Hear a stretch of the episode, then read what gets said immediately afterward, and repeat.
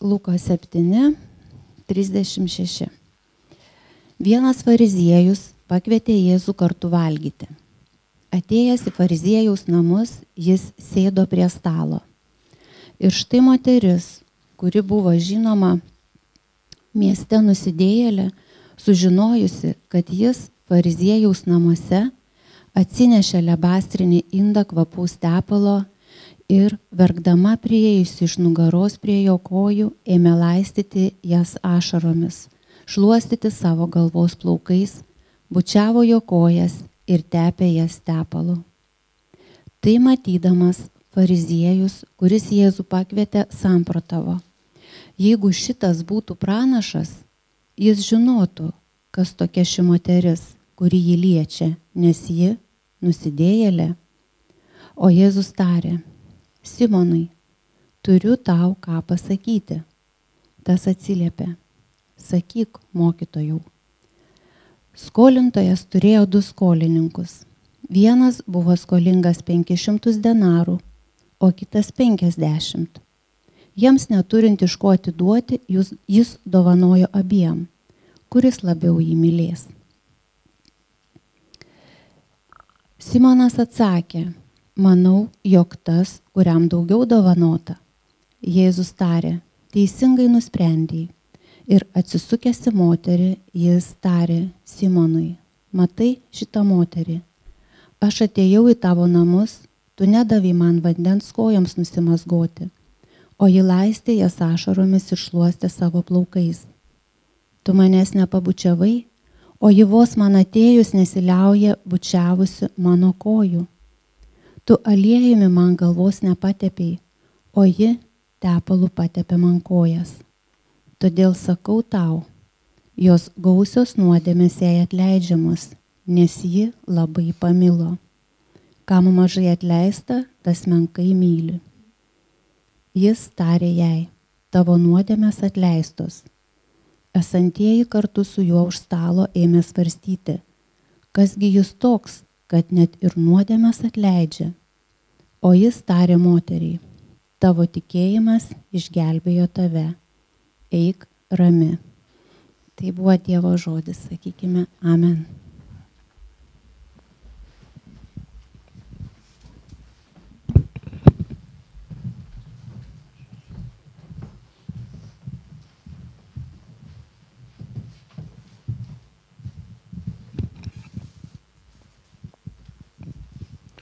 Labą dieną visiems, prašau atsisėsti.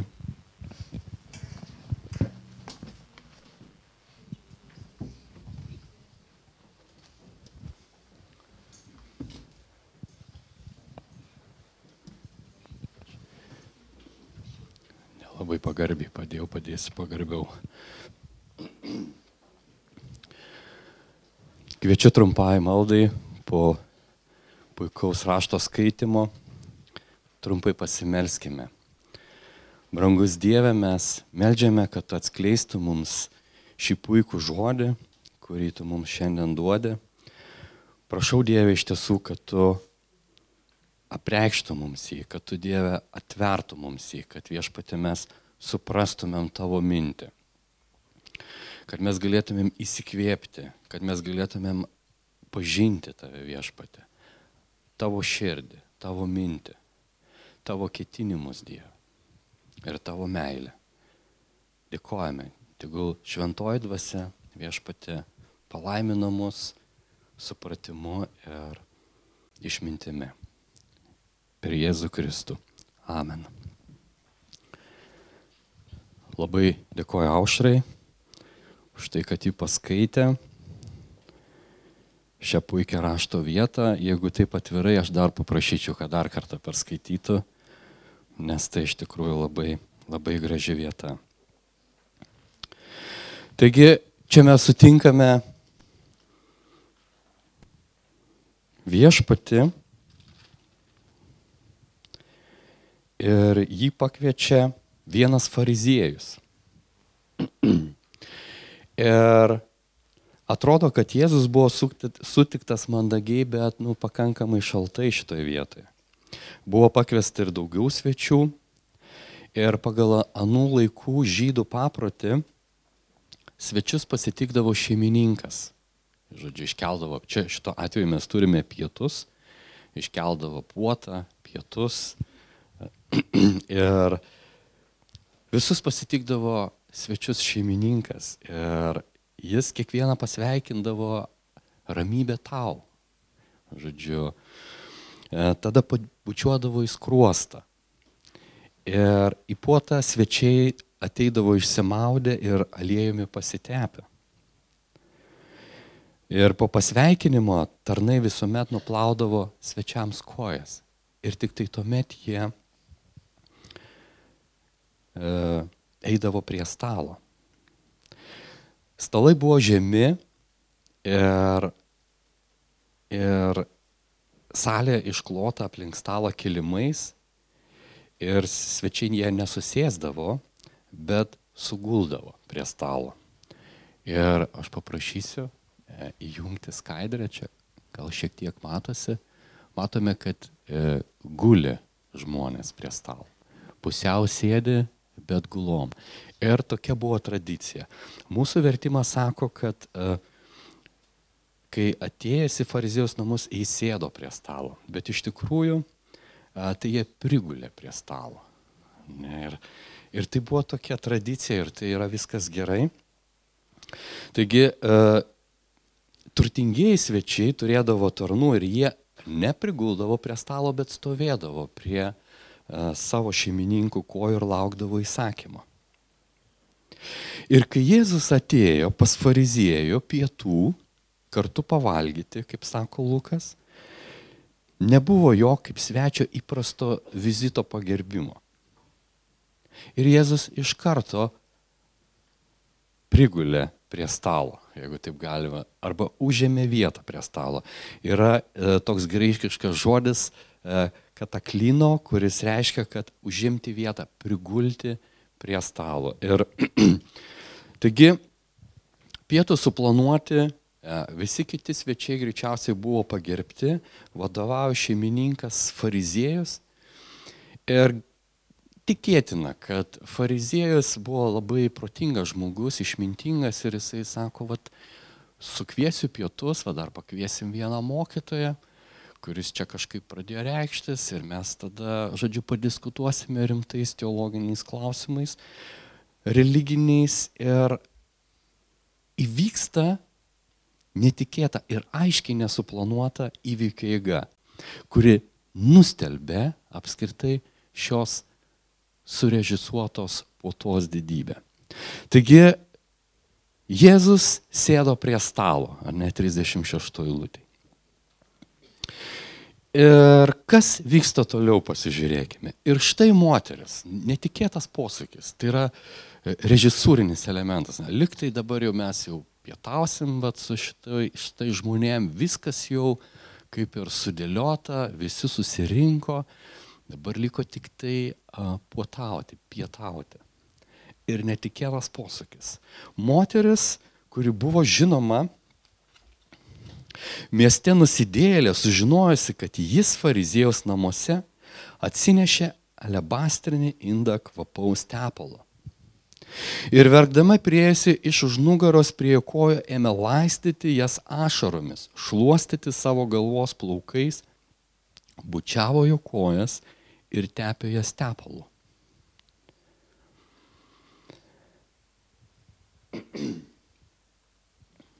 Mes sutinkame šią istoriją moterį, kuri buvo žinoma mieste nusidėlė.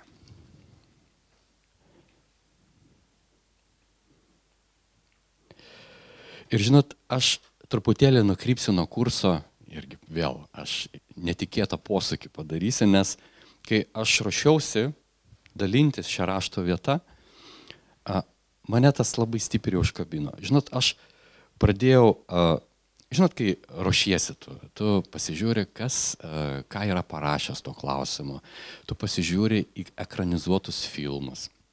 Ir aš pasižiūrėjau vieną filmą ir ten uh, žodžiu, buvo net nesivarginama pasakyti, kad šita moteris nenusidėlė, bet jinai yra paleistuvė.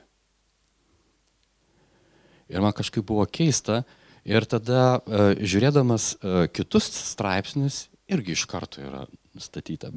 Taip, taip nuteista taip tiesiog. Ir mane tas truputėlį šokiravo, nes šiaip čia Lukas sako, yra nusidėlė. Jeigu gerai graikiškai naudojamas būdvardis amartolijos, tai reiškia nuodėmingas. Tai nereiškia, kad kažkokia konkreti nuodėmė, tiesiog žmogus, kuris yra pažeidęs Dievo įsakymą, nuodėmingas. Ir žinote, žmonės labai lengvai nuteisė ir nusprendžia, kokias nuodėmės ši moteris darė. Bet raštas jisai nesako jokių nuodėmių. Jis tiesiog pasako faktą, kad ta moteris buvo žinoma ir ji buvo nusidėlė. Kokias ji darė, kokia jos buvo kaltė, netaip svarbu šioje vietoje. Ir tai vieną dalyką labai gražų atveria, kad Dievas neviešina žmonių nuodėmių, jis su žmogumi elgesi kantriai ir švelniai. Jeigu mes atverstume keletą skyrių atgal, apaštalas Petras vėliau, bet Petras, Jėzaus mokinys, Luko 5.8, kai jie su Kristumi pagavo daug žuvų, net sėmė valtis, ne, atsimenam tą istoriją, jis sako, pasitrauk nuo manęs viešpatė, nes aš nusidėlis. Ir Lukas čia naudoja tą patį žodį, kaip ir apie tą moterį. Tai jeigu mes gebam nustatyti iš karto, kas buvo per nuodėmė moters, tai tada pasakykit, kas buvo Petras. Ir čia mes suprantame, kad žmogaus teismas, jisai iš karto klysta. Ta prasme, Dievas gailestingas, jisai švelniai elgesi, jisai neišviešino Petro nuodėmių, kaip ir tos moters. Vienintelis skirtumas tarp Petro ir šitos moters, apie kurią mes šiandien skaitome, kad ji buvo žinoma, o Petras ne. Bet abu jie nusidėliai. Taigi Luko šeštame skyriuje mes tą irgi mokėmės, nebereikalo viešpat sako, neteiskite. Nes ne, kad nebūtume teisimi. Ir jeigu jūs nu, nuteisėte, tai nebūtinai yra tiesa. Ir mes dar tą prie to prieisim. Taigi moteris ieškojo Jėzaus. Brangieji, ji ieškojo Kristaus. Ji neieškojo fariziejaus, kuris gali jai padėti. Ji ieškojo Kristaus. Fariziejaus namai buvo visiškas atsitiktinumas. Tiesiog ten buvo Dievas, kurio jie ieškojo. Ir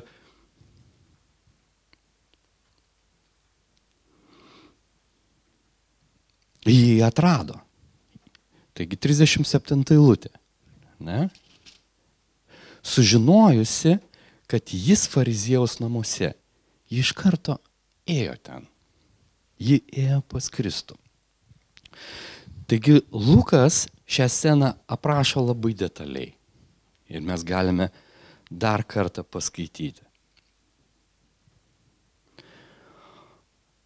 Verkdama prieėjusi iš už nugaros 38 lūtį, prie jo kojų ėmė laistyti jas ašaromis, šluostyti savo galvos plaukais, bučiavo jo kojas ir tepė jas tepalu. Kai ji randa viešpati, daro tai, kas jai didikų visuomenės akise buvo labai didelis pažeminimas iš tikrųjų. Ir kodėl moteris taip elgesi? Kas ją vertė taip elgtis? Kodėl jį verkia? Ir Lukas, evangelistas, mums neaiškino, kodėl jį verkia. Ir mes žiūrime į šitą sceną ir mes kažkaip, nu, galima sakyti, esame truputėlį šokiruoti. Ir tie žmonės, kurie pietavo, ir kurie buvo nusiteikę visai kitus dalykus daryti, jie dabar stebi šitą sceną ir ji vyksta. Ir klausimas, kodėl moteris verkia. Ir moteris verkia, ir šiaip žmogus verkia, tada, kai kenčia. Kai suvokia, kad tai, kas jo gyvenime įvyko, yra skausminga ir tiek jam pačiam, tiek kitiems. Tai gailėjimuose išraiška. Žmogus verkia. Ir mes esame patys verkę ne vieną kartą. Ir tai yra tiesiog emocijų, gailėščio išraiška. Ir aiškiai matosi, kad tas verkimas nebuvo suplanuotas. Na, aš dabar ateisiu, čia patepsiu, nusiverksiu. Dabar, tai nebuvo, tai buvo tikra, tai nebuvo kažkoks tai a, aktorinis a, vaidinimas. Ir tas verkimas nebuvo suplanuotas, nes ašaros plūste plūdo ir taip, kad net sudrėko viešpatės kojos. Ir neturėdama ko šluostyti, nes neplanavo taip daryti, ji pradėjo šluostyti plaukais. Tai yra ašaros plūste plūdo, žmogus verkia, žmogus išgyveno, žmogus pergyveno.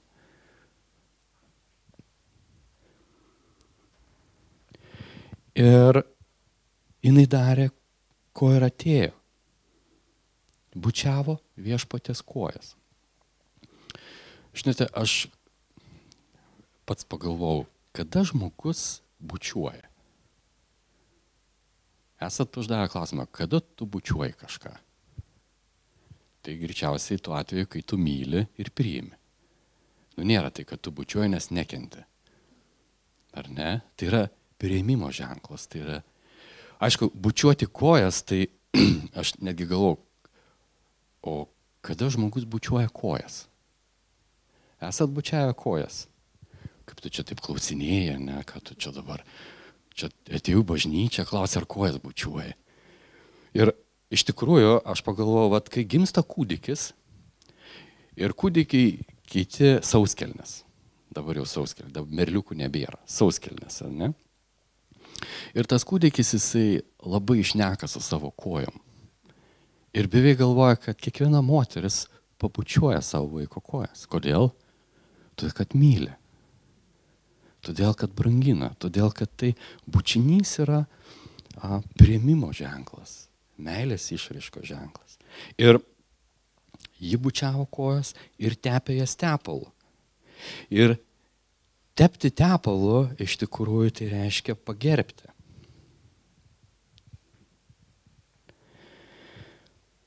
Tai yra tam tikra prasme pagarbinimo išraiška. Taigi moteris susidužusią širdimi prieš viešpatį tiesioginė prasme jį garbina. Ir kaip psalmės autoris 51, Koracho sūnus, e, psalmė 51.17, jeigu jūs turite savo mobiliaką, galite nušokti ten greitai. Aš paskaitysiu, jūs galite ir nesiversti, psalmė 51.17. Auka Dievui yra sudužusi dvasia, sudužusios ir nusižeminusios širdies, tu Dieve nepaniekinsi. Taigi, tai, ką moteris darė ir tai, kas buvo pažeminimas visuomenės akise, viešpat žvelgia į širdį Ir tai buvo iš tiesų atgailos ir pagarbinimo laikas. Tai, ką darė ta moteris. Suradusi Dievą, sužinojusi, kad jisai yra fariziejaus namuose. Bet čia istorija ne, nesibaigė, einam toliau. Yra, visada yra, žodžiu, yra geri ir blogieji. Ir šito vietai 30 devintoji lūtė, tai matydamas, tai žiūrėdamas į visą tą reikalą, ne visi taip matė kaip Kristus. Fariziejus, kuris Jėzų pasikvietė, samprotavo. Jeigu šitas būtų pranašas, jis žinotų, kas tokia ši moteris, kuri jį liečia, nes jį nusidėlė. Taigi, fariziejus, matydamas šitą situaciją, jisai visus nuteisė, pastatė į vietas, nes jisai buvo religinis žmogus, žinojo, kas yra kas. Tai pirmas faktas, ką jisai nustatė, Jėzus nėra pranašas. Nu, mes čia jį pakvietėm, čia jisai gal, e, šiaip, kadangi jam nelabai parodė pagarbą, tai greičiausiai jam yra pagarba, kad apskritai jį pakvietė. Ir Jėzus nėra pranašas. nes jį liečia nusidėlė, o ši moteris ir taip visiems žinoma mieste nusidėlė. Ir žiūrėkite, kas dabar vyksta. Jėzus pradeda kalbėti ir jisai sako, o Jėzus tarė, Simonai, turiu tau ką pasakyti. Tas atsiliepia, sakyk mokytoju. Matot, jeigu Lukas nebūtų užrašęs tai, ką galvoja Simonas ir mes sėdėtumėm tarp šitų vyrų, mes nesuprastumėm, kas vyksta. Bet Jėzus jau dabar demonstruoja savo dieviškumą, nes jis atsako į mintis. Simonas nieko nepasakė, bet jisai iš karto turi tikslų pasakymą į tai, ką jisai masto. Ir jisai sako, sakyk mokytojų. Ne? Taigi, klausau, sakyk. Ir čia yra esminė šitos istorijos vieta. Skolintojas Jėzus kalba. Skolintojas turėjo du skolininkus. Vienas buvo skolingas 500 denarų, o kitas 50. Jiems neturint iš ko atiduoti, jis dovanojo abiem. Kuris labiau jį mylės? Klausimas. Simonas atsakė. Manau, jog tas, kuriam daugiau dovanota. Jėzus tarė, teisingai nusprendė Simonai. Taigi, 50 denarų. O jeigu mes pasklaidysime Bibliją, atrasime, kad denaras yra normalaus darbo dienos užmokestis. 50 denarų tai reiškia, jeigu dirbu 6 dienas, 7 ilsiuosi, tai kažkur pusantro mėnesio turiu vergauti, valgyti ne iš algos ir aš taip atiduočiau skolą. Jeigu aš turiu 500 denarų skolą, tai tada yra tai, kad aš pusantrų metų ir gal biški daugiau. Kas mokat tiksliau paskaičiuoti, suskaičiuosit, pusantrų metų aš turiu atsiduoti vergystiai, dirbti ir atiduoti. Tai yra daug didesnė skola. Nu, pusantrų metų ir pusantro mėnesio skirtumas yra, bet problema šitoje vietoje, kurie viešpas labai aiškiai pasako, kad jiems neturint iš ko atiduoti, kad jie neturėjo tokios galimybės prisiduoti vergystę ar ten kažkaip užsidirbti ar atidėti jie neturėjo iš ko atiduoti. Tiesiog nebuvo šansų atiduoti.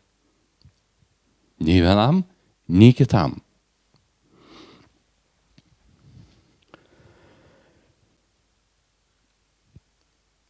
Ir ką padarė skolintojas? Dovanojo abiem. Ir jeigu tu būtum tokioj situacijai, fuh, Įsivaizduojate, jau, jau galvoju, kad mane sutraiškis ta skola ir jis dovanojo. Kokia laimė, koks džiaugsmas. Ir klausimas, kuris labiau mylės? Klausimas nebuvo, kuris bus laimingesnis. Arba e, kuris labiau pasipelnys iš naivaus skolintojo. Ar ne? Klausimas, kuris labiau jį mylės. Ir kadangi Simonas buvo saugęs žmogus, atsakė teisingai ir netgi buvo Jėzaus pagirtas. Teisingai nusprendė Simonai, šaunuolis. Bet jeigu taip atvirai šį klausimą sugebėtų atsakyti ir vaikas, ar ne? Tai nebuvo kažkoks toks ten kosminis klausimas ir 50-500 fariziejus skaičiuoti pinigus moka, ir galvot, nu čia ne, čia tai, nu ką, nu labai lengva, čia tokia diskusija pakankamai lengva. Ir tačiau Jėzus šitoje vietoje nesustoja ir jisai sako, taip Simonai šaunuolės, tu teoriją išlaikiai gerai. Ir dabar einame į praktiką. Ir einame į praktiką, kur labai aiškiai atskleidžiama, kad Jėzus yra Dievas, nes jis atleidžia nuodėmes. Taigi Jėzus šį palyginimą perkelia į realų gyvenimą, aiškiai personažai iš palyginimo perkeliami į personalijas esančias fariziejaus namuose. 44 eilutę pasižiūrėkime. Ir atsisukęs į moterį, jis tarė Simonui, matai šitą moterį. Aš atėjau į tavo namus, tu nedavėjai man vandens kojoms nusimasguoti, ką šiaip jau turėjai daryti, o ji laistė jas ašaromis ir šluostė savo plaukais. Tu manęs nepabučiavai, o ji vos man atėjus nesiliauja bučiavusi mano kojų. Tu aliejumi man galvos nepatepėjai, o į tepalų patepė man kojas. Todėl sakau tau, jos gausios nuodėmės jai atleidžiamas, nes ji labai pamilo. Ką mažai atleista, tas menkai myli. Kas labiau myli? Moteris. Nes jos gausios nuodėmės atleidžiamos, kaip sako Kristus. Sakau tau, Simonai sako, jos gausios nuodėmės atleidžiamos. Kas mažiau myli šiai situacijai? Simonas. Nes jis yra geras žmogus su savo nuosavo teisumu. Bet kadangi jis jau įstatytas į personažą, tai jis aiškiai turėjo suprasti, kaip protingas vyras ir žmogus, kad jis yra taip pat skolingas skolintojai. O kas yra skolintojas? Viešpats Kristus, kuris pietavo kartu su Simonu.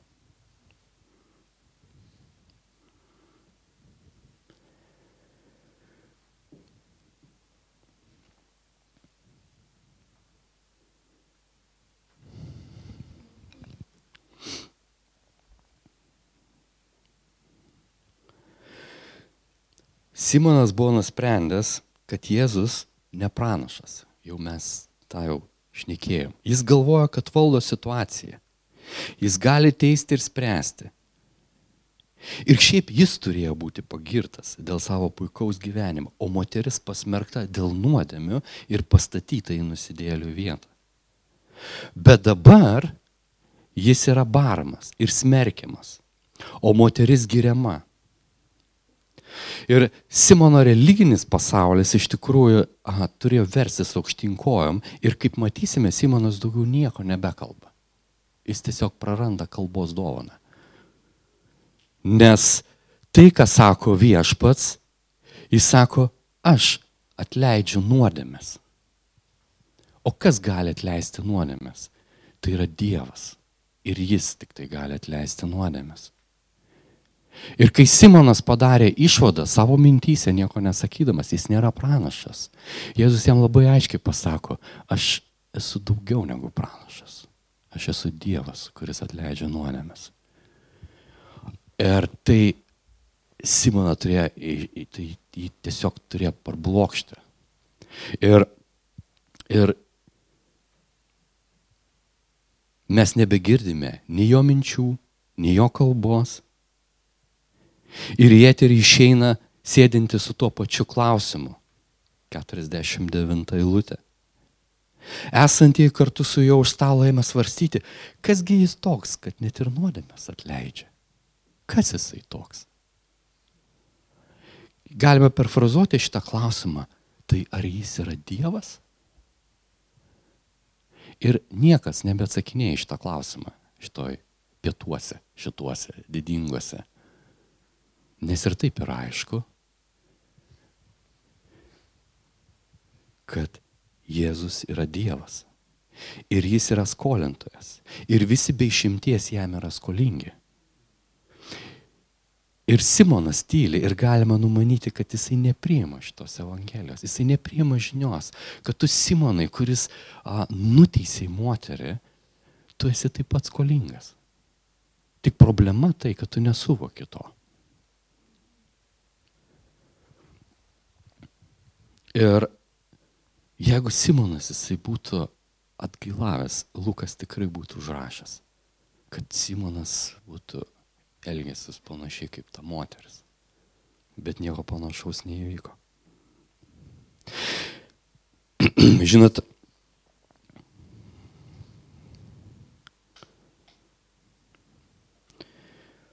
mes galvom, va, Simonas tai toks niekšas. Nu, va, toks biški, toks nelabai. Bet, va, tas yra tai, kad mums labai lengva ant to pakipti patiem. Aš krikščionis 20-30 metų. Kiek tu nori būti krikščionis? Aš viską darau teisingai, aš pažįstu raštą, aš žinau, kas yra gerai, kas yra blogai. Jūs čia mane aiškinkit, aš toksai nuostabus. Ir kas tai yra? Klausimas buvo ne tai, kaip tu ką viską gerai darai. Klausimas, kiek tu myli. Kuris labiau mylės? Ir čia vat yra, kad ar myli Kristų, ar myli Dievą, ar tik tai dirbi dėl jo, ar tik tai darai kažką, ar, tai, ar tu myli jį. Klausimas, ar tu jį myli. Ir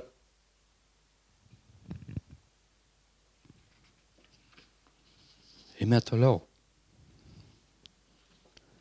Atleidimas eina kartu su meile. Pasižiūrėkite, 47 eilutėje dar grįžkime į viešputį žodžius.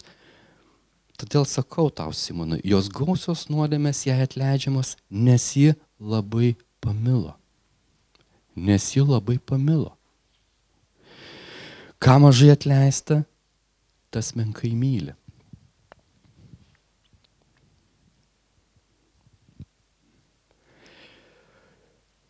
Man iš karto klausimas, nu, normalus. Tai ką man reikia labai prisidirbti, kad aš labai mylėčiau? Greičiausiai ne. Tau reikia susivokti, kad esi skolingas Dievui. Ir žinote, mes priėmėme meilės klausimą. Nu čia viešpats privedė mus prie meilės klausimo. Ir aš skaitau Čarlzo Dickenso romaną dabar didieji lūkesčiai. Ir perskaičiau vieną mintį vienos herojos, atsinešiau tą knygą, noriu jums paskaityti, kad jūs negalvotumėt, kad aš prisigalvojau, bet uh, iš tikrųjų Čarlzas Dickensas uh, užrašė, parašė labai gerą romaną. Ir čia yra apie jaunuolę, kuris turi didelių lūkesčių, kuris uh, eina į gyvenimą ir ten iš prašioko tapo, žodžiu, link, uh, nežinau, link didiko, kaip jį ten be pavadinsi. Ir jį globojo viena moteris, jinai aristokratė, turtinga, keistai elgesi. Ir ji norėjo padėti tam jaunuoliui.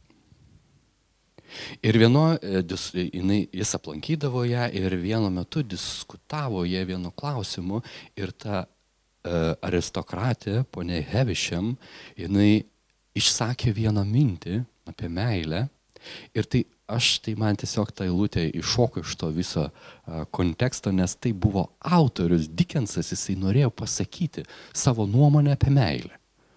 Ir įpynė tai gražiai į istoriją ir aš paskaitysiu, kaip ta moteris labai karštai išsakė jaunuoliui, kasgi yra meilė. Aš tau pasakysiu, skubiai lik apsėsta šnipždėjo ji toliau. Kas yra tikra meilė? Paklausykit, ką šitą ponę sako. Tai yra aklas atsidavimas, besąlygiškas savęs aukojimas, absoliutus nuolankumas, kai tiki nieko nebejodamas, kai eini pas pats prieš save ir visą pasaulį, kai visą savo širdį atiduodi kankintojai, kaip aš. Ir tai yra labai tirštom spalvom nu, nutapyta, bet tai yra iš tikrųjų a, taip tikra. Ir, ir sakysim, ne, ne, ne, čia kažkaip čia o kankintojas prie ko. Bet jeigu pasižiūrėtumėm į Kristų, tai jis tikrai pamilo kankintojus. Jis atėjo į šitą pasaulį pas ką? Pas kankintojus, brangiai. Pas tuos, kurie jo nekenčia, kurie jo nemyli, kurie nukryžiavo jį. Ir tai yra meilė. Meilė, kuria jis pamilomas. Taigi, absoliut, absoliutus nuolankumas, besąlygiškas savęs aukojimas. Tikėjimas. Atsidavimas. Ir žinote, tai, tai yra Čarlzo Dickenso mintis, kurią jisai norėjo pasakyti skaitytojui. Štai kas yra meilė. Meilė neieško savo. Meilė yra tai, kas dalina. Tai, kas tarnauja, tai, kas atiduoda. Jonas, evangelistas Jonas 15 skyriuje, jisai a, užrašydamas Jėzaus žodžius, jisai jį cituoja. Niekas neturi didesnės meilės kaip tas, kuris savo gyvybę už draugus atiduoda. Ir žinote, nuodėmių atleidimas yra lygiai toks pat veiksmas kaip skolos dovanojimas. Žinote, kai mes, aš praleidau vieną savo iliustraciją, prisipažinsiu, kad pamokslauju ne pagal konspektą. Ir kad kai, žodžiu, Jėzus pasakė palyginimą, jisai kalbėjo apie pinigus. Apie pinigus kalbėti, žinokit, netaip sudėtinga. Tarkim, aš pasiskolinsiu iš jūsų, kas turit labai gerą automobilį, tiesiog pasiskolinsiu iš jūsų tą automobilį ir važiuosiu kur nors pažvėjot, bet pakeliui sudaužysiu jį. Ir tada ateisiu pas jūs ir sakysiu, žinai ką, sudaužiau tavo mašiną. Ir kadangi jūs būsite kilnio širdies žmogus, jūs sakysite, aš dovanoju tau. Ir, o, oh, man tai vis gyvenimas prašviesėjo, einu kitos skolintis. Jokauju. Bet esmė yra tokia, kad tai kalba apie tai, kad tu nugali atiduoti, uždirbti, atleisti.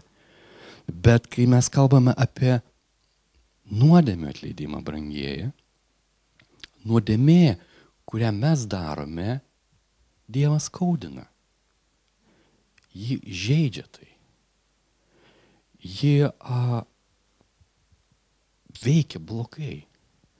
Žiūrėkite, psalmės yra parašyta 78-40. Jis sako, kaip dažnai jie pykdė jį dykumoje, liūdino tyrose. Čia kalba apie Dievo tautą. Jie pykdė, liūdino. Nuodėmė žaidžia. Nuodėmė jinai, jinai atneša skausmą Dievui. O mirti nusidėlėm. Ir mes skaitome Izaijo 53, mes galime atsiversti turite raštą, atsiverskite Izaijo 53.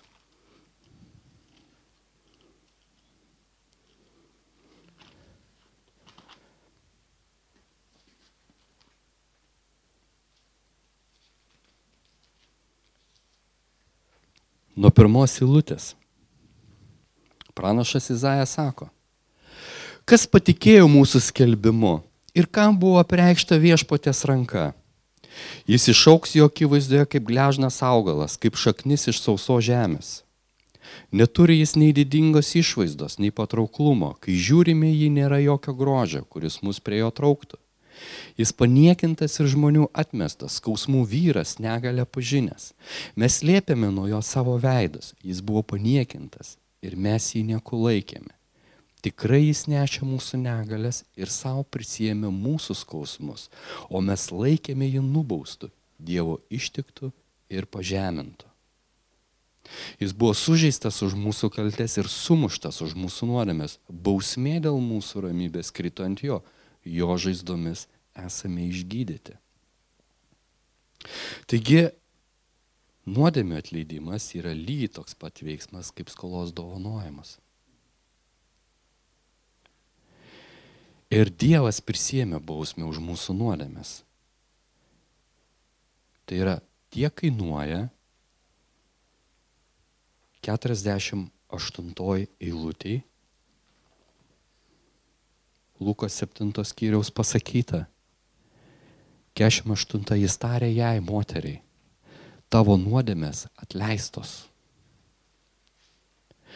Ir tai brangiai, tai nėra kažkoks pigus triukas. Kai Jėzus sako, tavo nuodėmės atleistos, reiškia, kad skolintojas prisiema nuostolius.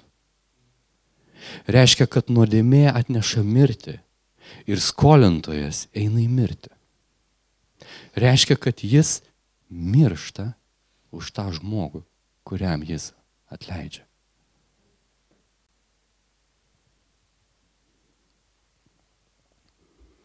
Nieko nėra brangiau už nuodėmių atleidimą, nes kaina, kurią sumokėjo viešpats, yra mirtis. Mes mokomės alfa kursą. Ir viename kurse buvo viena istorija. Aš noriu ją paskaityti jums. Buvo klausimas, ką tai reiškia, kad jis mirė vietoj manęs arba vietoj tavęs. 1941 metais Liepo 31 dieną Iš Aušvico pabėgo kalinys ir kaip atsakomą į veiksmą gestapas išrinko dešimt vyrų, kad numarintų iš bado badavimo bunkeryje. Vienas iš vyrų, Francis Gardžianis Dekas, kai jį pasirinko, sušuko, vargščia mano žmona ir vargščiai mano vaikai. Tuo metu neįspūdingas išvaizdos Lenkas su mažais rudais akinukais, vėliniais remeliais žengė iš eilės ir tarė, esu katalikų kuningas. Jis pasakė, aš noriu numirti vietoj to vyro. Aš neturiu žmonos ir vaikų, aš nieko neturiu. Ir jau ko buvo priimta. Tas vyras buvo tėvas Maksimilianas Kolbė Jam tuo metu buvo 47. Jis su kitais nuėjo į badavimo bunkerį, jį ten nuvedė besimeldžiantį ir gėdantį himnus. Gestapas tikėjosi, kad jis numirs iš bado, bet tai neįvyko. Todėl galiausiai jie 19 rūpjūčio 1941 metais turėjo jam suleisti mirtiną injekciją. Eiliniai sakė, kad bunkeris buvo kaip bažnyčia. 1982 metais spalio 10 dieną, praėjus 41 metams, Romoje tėvo Maksimiliano mirtis buvo deramai pagirbta.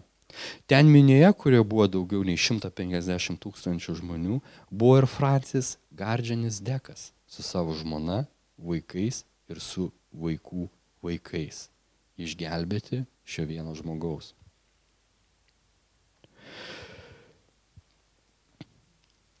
Maksimiliano Kolbės mirtis buvo apibūdinta taip. Tai buvo pergalė. Tokia pat kaip Jėzaus Kristus. Francis Gardžianis Dekas mirė 1995 metais kovo 13 dieną sulaukęs 93 metų. Ir ten buvo rašoma, kad visą likusi savo gyvenimą jis keliavo po visą pasaulį pasakodamas, dėl, ką dėl jo padarė Maksimilianas Kolbė, numirdamas vietoj jo. Ir dar nuostabesniu būdu Jėzus numirė už mus. Jis dėl mūsų iškentė nukryžiavimą. Ciceronas nukryžiavimą apibūdina kaip žiauriausią ir baisiausią kankinimą. Jėzus buvo išrenktas ir pririštas prie plakimo stulpo. Jis buvo plakamas su keturiais ar penkiais odiniais botagais, kuriuose buvo įpinta dantytų kaulų ir švino gabalų. Eusebijus, trečiojo amžiaus bažnyčios istorikas, romėnų plakimus apibūdino šitaip. Kankinamojo kraujagislės būdavo atsivėrę, matydavosi aukos raumenis, sausgislės ir žarnas. Paskui Jėzus buvo nuvestas į pretoriją, kur erškiečių karūna susmigo į jo galvą. Šeši šimtai vyrų iš jo tyčiojosi ir mušė jam per veidą ir per galvą. Tada jis buvo verčiamas ant savo kraujuojančių pečių nešti sunku kryžiaus kersinį, kol nugriuvo ir Simonas iš Kirienės buvo priverstas įnešti vietoj jo. Kai jie pasiekė nukryžiavimo vietą, Jėzus buvo apnuogintas, jis buvo paguldytas ant kryžiaus ir šešių colių ilgio vinis buvo įkaltos į jo rankas vos aukščiau riešo. Jo keliai buvo nusukti į šoną, kad kulkšnis galėtų būti perdurtos tarp blūzdikolio ir achilo kulno. Jis buvo iškeltas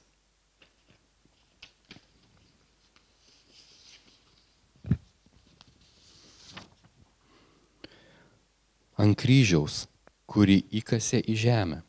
Buvo paliktas kiboti didelėme karštyje ir su nepakeliamu troškoliu išstatytas minios pajokai. Kentėdamas siaubingą fizinį skausmą, jis kibojo šešias valandas, kol jo gyvybė pamažu užgeso. Tai buvo neįsivaizduojamas skausmas ir didžiausia gėda. Tai štai ką reiškia, kai išgirsti iš Kristos tavo nuodėmės, tavo atleistos. Skolintojas prisijima visus nuostolius. Nes skolininkai niekada neturės iš ko atiduoti. Kaina už nuodėmę yra mirtis. Ir Jėzus sumokėjo tai už tave ir už mane. Ši istorija yra Evangelija, brangieji. Ir istorijos pabaiga mylinčiai širdžiai yra tokia. 50 eilutė. O jis tarė moteriai, tavo tikėjimas išgelbėjo tave, eik rami. Šiandien Kristus savo dvasia yra su mumis. Jis pietauja. Matom, ten pietaujam. Mes pietaujam kartu su juo, valgydami nuo jo žodžio, a, žodžiu, stalo. Ir jei jį pamilsi, juo tikėsi, tavo nuodėmės bus atleistos. Ir rami širdimi šiandien galėsi grįžti namo. Tai nereiškia, kad baigsis problemos, bėdos, kad mes gyvename nuodėmės paveikto žemėje. Bet ir siaučiant negandoms, Dievo ramybė lydi tuos, kurie jį pamilsta jai atleidžiamos gausios nuodėmės, nes ji labai pamilo. Pamilo Kristų, pamilo Dievą. Taigi prieėjau prie tezės, kurią noriu Jums perskaityti. Jėzus šiandien atleidžia nuodėmės. Jei priimsi jo atleidimą, galėsi džiaugti jo teikiamą ramybę. Fariziejui Jėzus lieka tik mokytojas, bet negelbėtojas. Taigi Nebūkime savo gyvenime fariziejais, bet būkime tais, kurie labai pamilo. Amen. Padėkokim Dievui už jo žodį. Viešpatė mes dėkojame tau už auką ant kryžiaus. Dėkojame tau viešpatė, kad tu kalbi Evangeliją mums. Dėkojam Dievę, kad tu atveri save ir atveri savo meilės didybę. Viešpatė mes esame skolingi tau. Iš prigimties viešpatė mes esame pikti ir prasiskolinę tau. Bet viešpatė tu atpirkai mus. Ir Dieve, tavo nuodėmių atleidimas yra pati didžiausia dovana žmonijai. Kad mes galime viešpatė džiaugtis, turėti viltį, amžinybę, tikėti tavo pažadais. Tavo auka, Dieve, jinai yra didelė kaina. Ir tavo auka atperka kiekvieną iš mūsų. Todėl mes viešpatė atnešame savo nuodėmės tau. Atnešame viešpatė save. Kaip ta moteris viešpatė išlieja savo širdį, bučiavo tavo kojas, tepė jas tepalą. Mes viešpatė taip pat norime pagarbinti tave šiandien. Norime pamilti tave.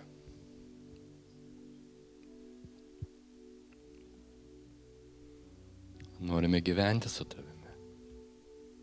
Nenorime skaudinti tavęs.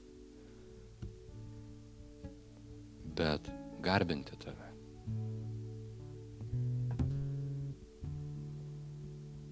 Dėkojame tau už išgelbimą, dėkojam už Jėzaus Kristaus kryžių. Dėkojam, kad tu mirėjai už mus, nes mes turėjome mirti, bet tu mirėjai. Ir tavo išgelbimas yra didis.